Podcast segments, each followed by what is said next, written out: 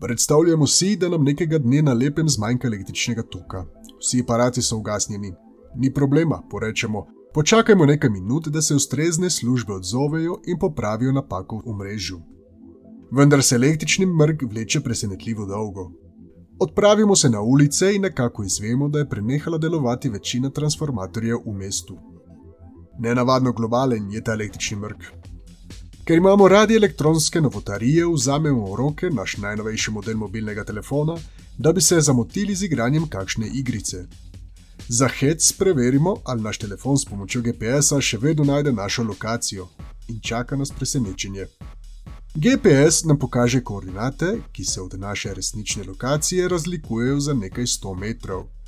In če smo slučajno med tistimi, ki še imamo doma kakšen kompas, ugotovimo, da je leta ponorel, te da niti približno ne kaže v smeri proti severu.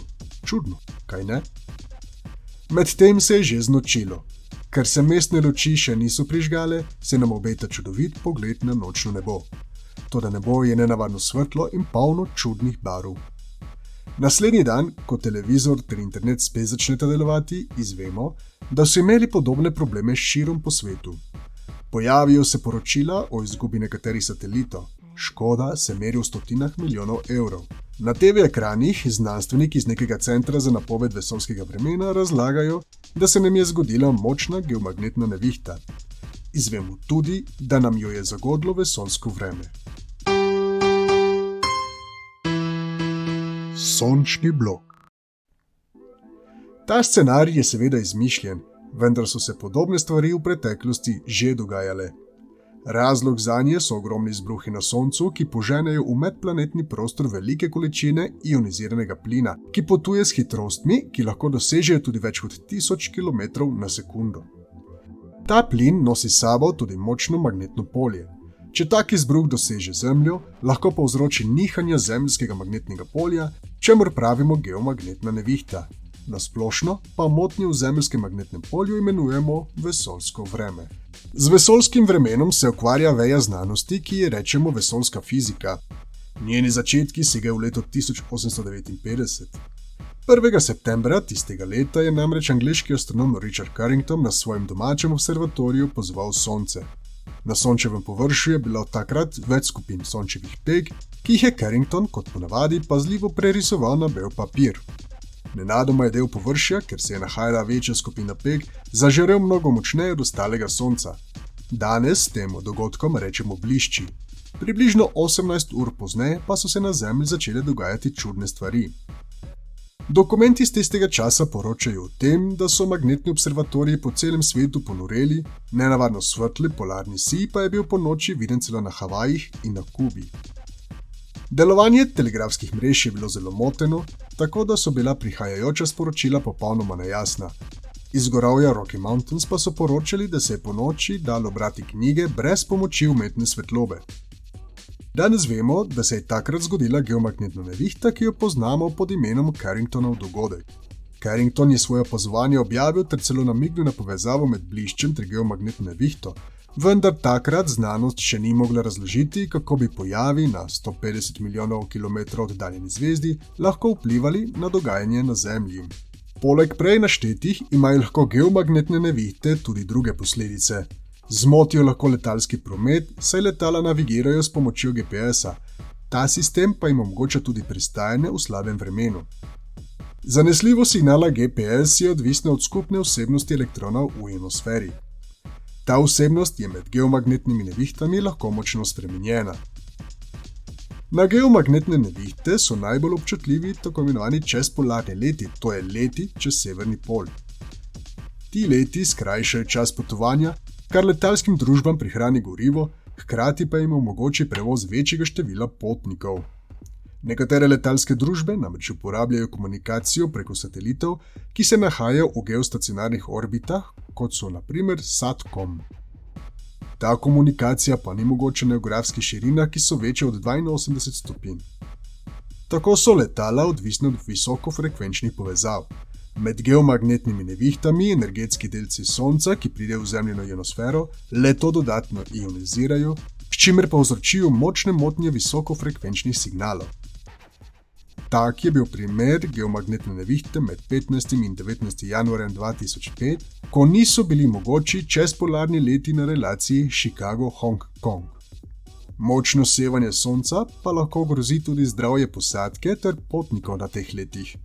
Število čezpolarnih letov, ki jih člani posadke lahko opravijo na leto, je za nje tako omejeno. Pred geomagnetnimi nevihtami niso varni niti sateliti. Danes nam komunikacijski sateliti omogočajo globalno komunikacijo z mobilnimi telefoni ter prenašajo televizijski in radijski signal.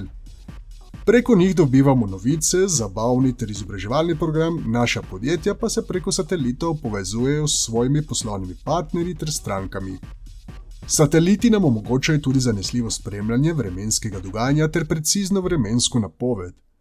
V preteklosti so geomagnetne nevihte poškodovali že kar nekaj satelitov. Leta 1994 sta nenadoma ugasnila dva tersatova satelita Ani, tako da v Kanadi okoli 100 časopisov in 450 radijskih postaj ni doseglo svoje publike. Telefonske storitve so bile prekinjene v 40 okrajih.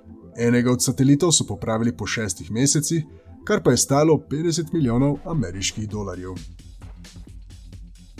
Izbruh koronalne snovi na svojem potovanju po Osončju lahko naleti na ovire, kot je naprimer zemljino magnetno polje oziroma magnetosfera. Izbruh povzroči popačenje zemljega magnetnega polja.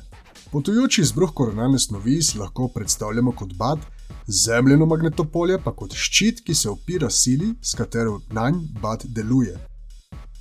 Sila izbruha potisne ta ščit nekoliko nazaj, torej proti Zemlji, s tem pa se moč ščita, jakost magnetnega polja, poveča, dokler se ponovno ne vzpostavi neko ravnovesje. Magnetni observatoriji na Zemlji takrat zaznajo porast jakosti zemljskega magnetnega polja, pa tudi močna nihanja njegove smeri. Le zelo majhen delež delcev iz izbruha koronalne snovi, ionov in elektronov, dejansko prodre v zemljino magnetosfero. Nekateri od teh potujejo po magnetnih silnicah ter vstopijo v ionosfero v bližini severnega ter južnega magnetnega pola. Ker gre pri tem za delce z dokaj visokimi energijami, lahko ti na svoji poti skozi ionosfero dodatno ionizirajo in zbujajo neutralne delce, s tem pa povzročijo, da ti neutrali zasvetijo. Tej svetlobi pravimo polarni si. Hkrati ti nabiti delci delujejo kot električni tok v ionosferi ter dodatno ustvarjajo svoja magnetna polja. Tako spreminjajoče se magnetno polje inducira električne tokove v naših daljnovodih in s tem povzroča že opisane nevšečnosti. Da bi v prihodnosti omejili škodo, ki nam jo lahko povzroči vesoljsko vreme, so po svetu že ustanovili agencije, ki se ukvarjajo s spremljanjem teh pojavov. Evropska vesoljska agencija ESA je tako pred kratkim zagnala program z imenom Space Situational Awareness, katerega namen je, da bo Evropa v prihodnje sama sposobna opazovati naravne pojave, ki bi bili lahko škodljivi za satelite v orbiti ter za infrastrukturo, naprimer električno napeljavo na Zemlji. ESA v sklopu te dejavnosti opazuje pogoje na Soncu, v sončnem vetru ter v zemljeni magnetosferi. Potrebo po takih dejavnostih zahteva tudi vse hitreje raztoča vesoljska industrija. Tako imajo že danes podatke o vesoljskem vremenu komercialno vrednost. Podobne programe že izvajo tudi druge države, predvsem ZDA ter Kanada. Sončni blok.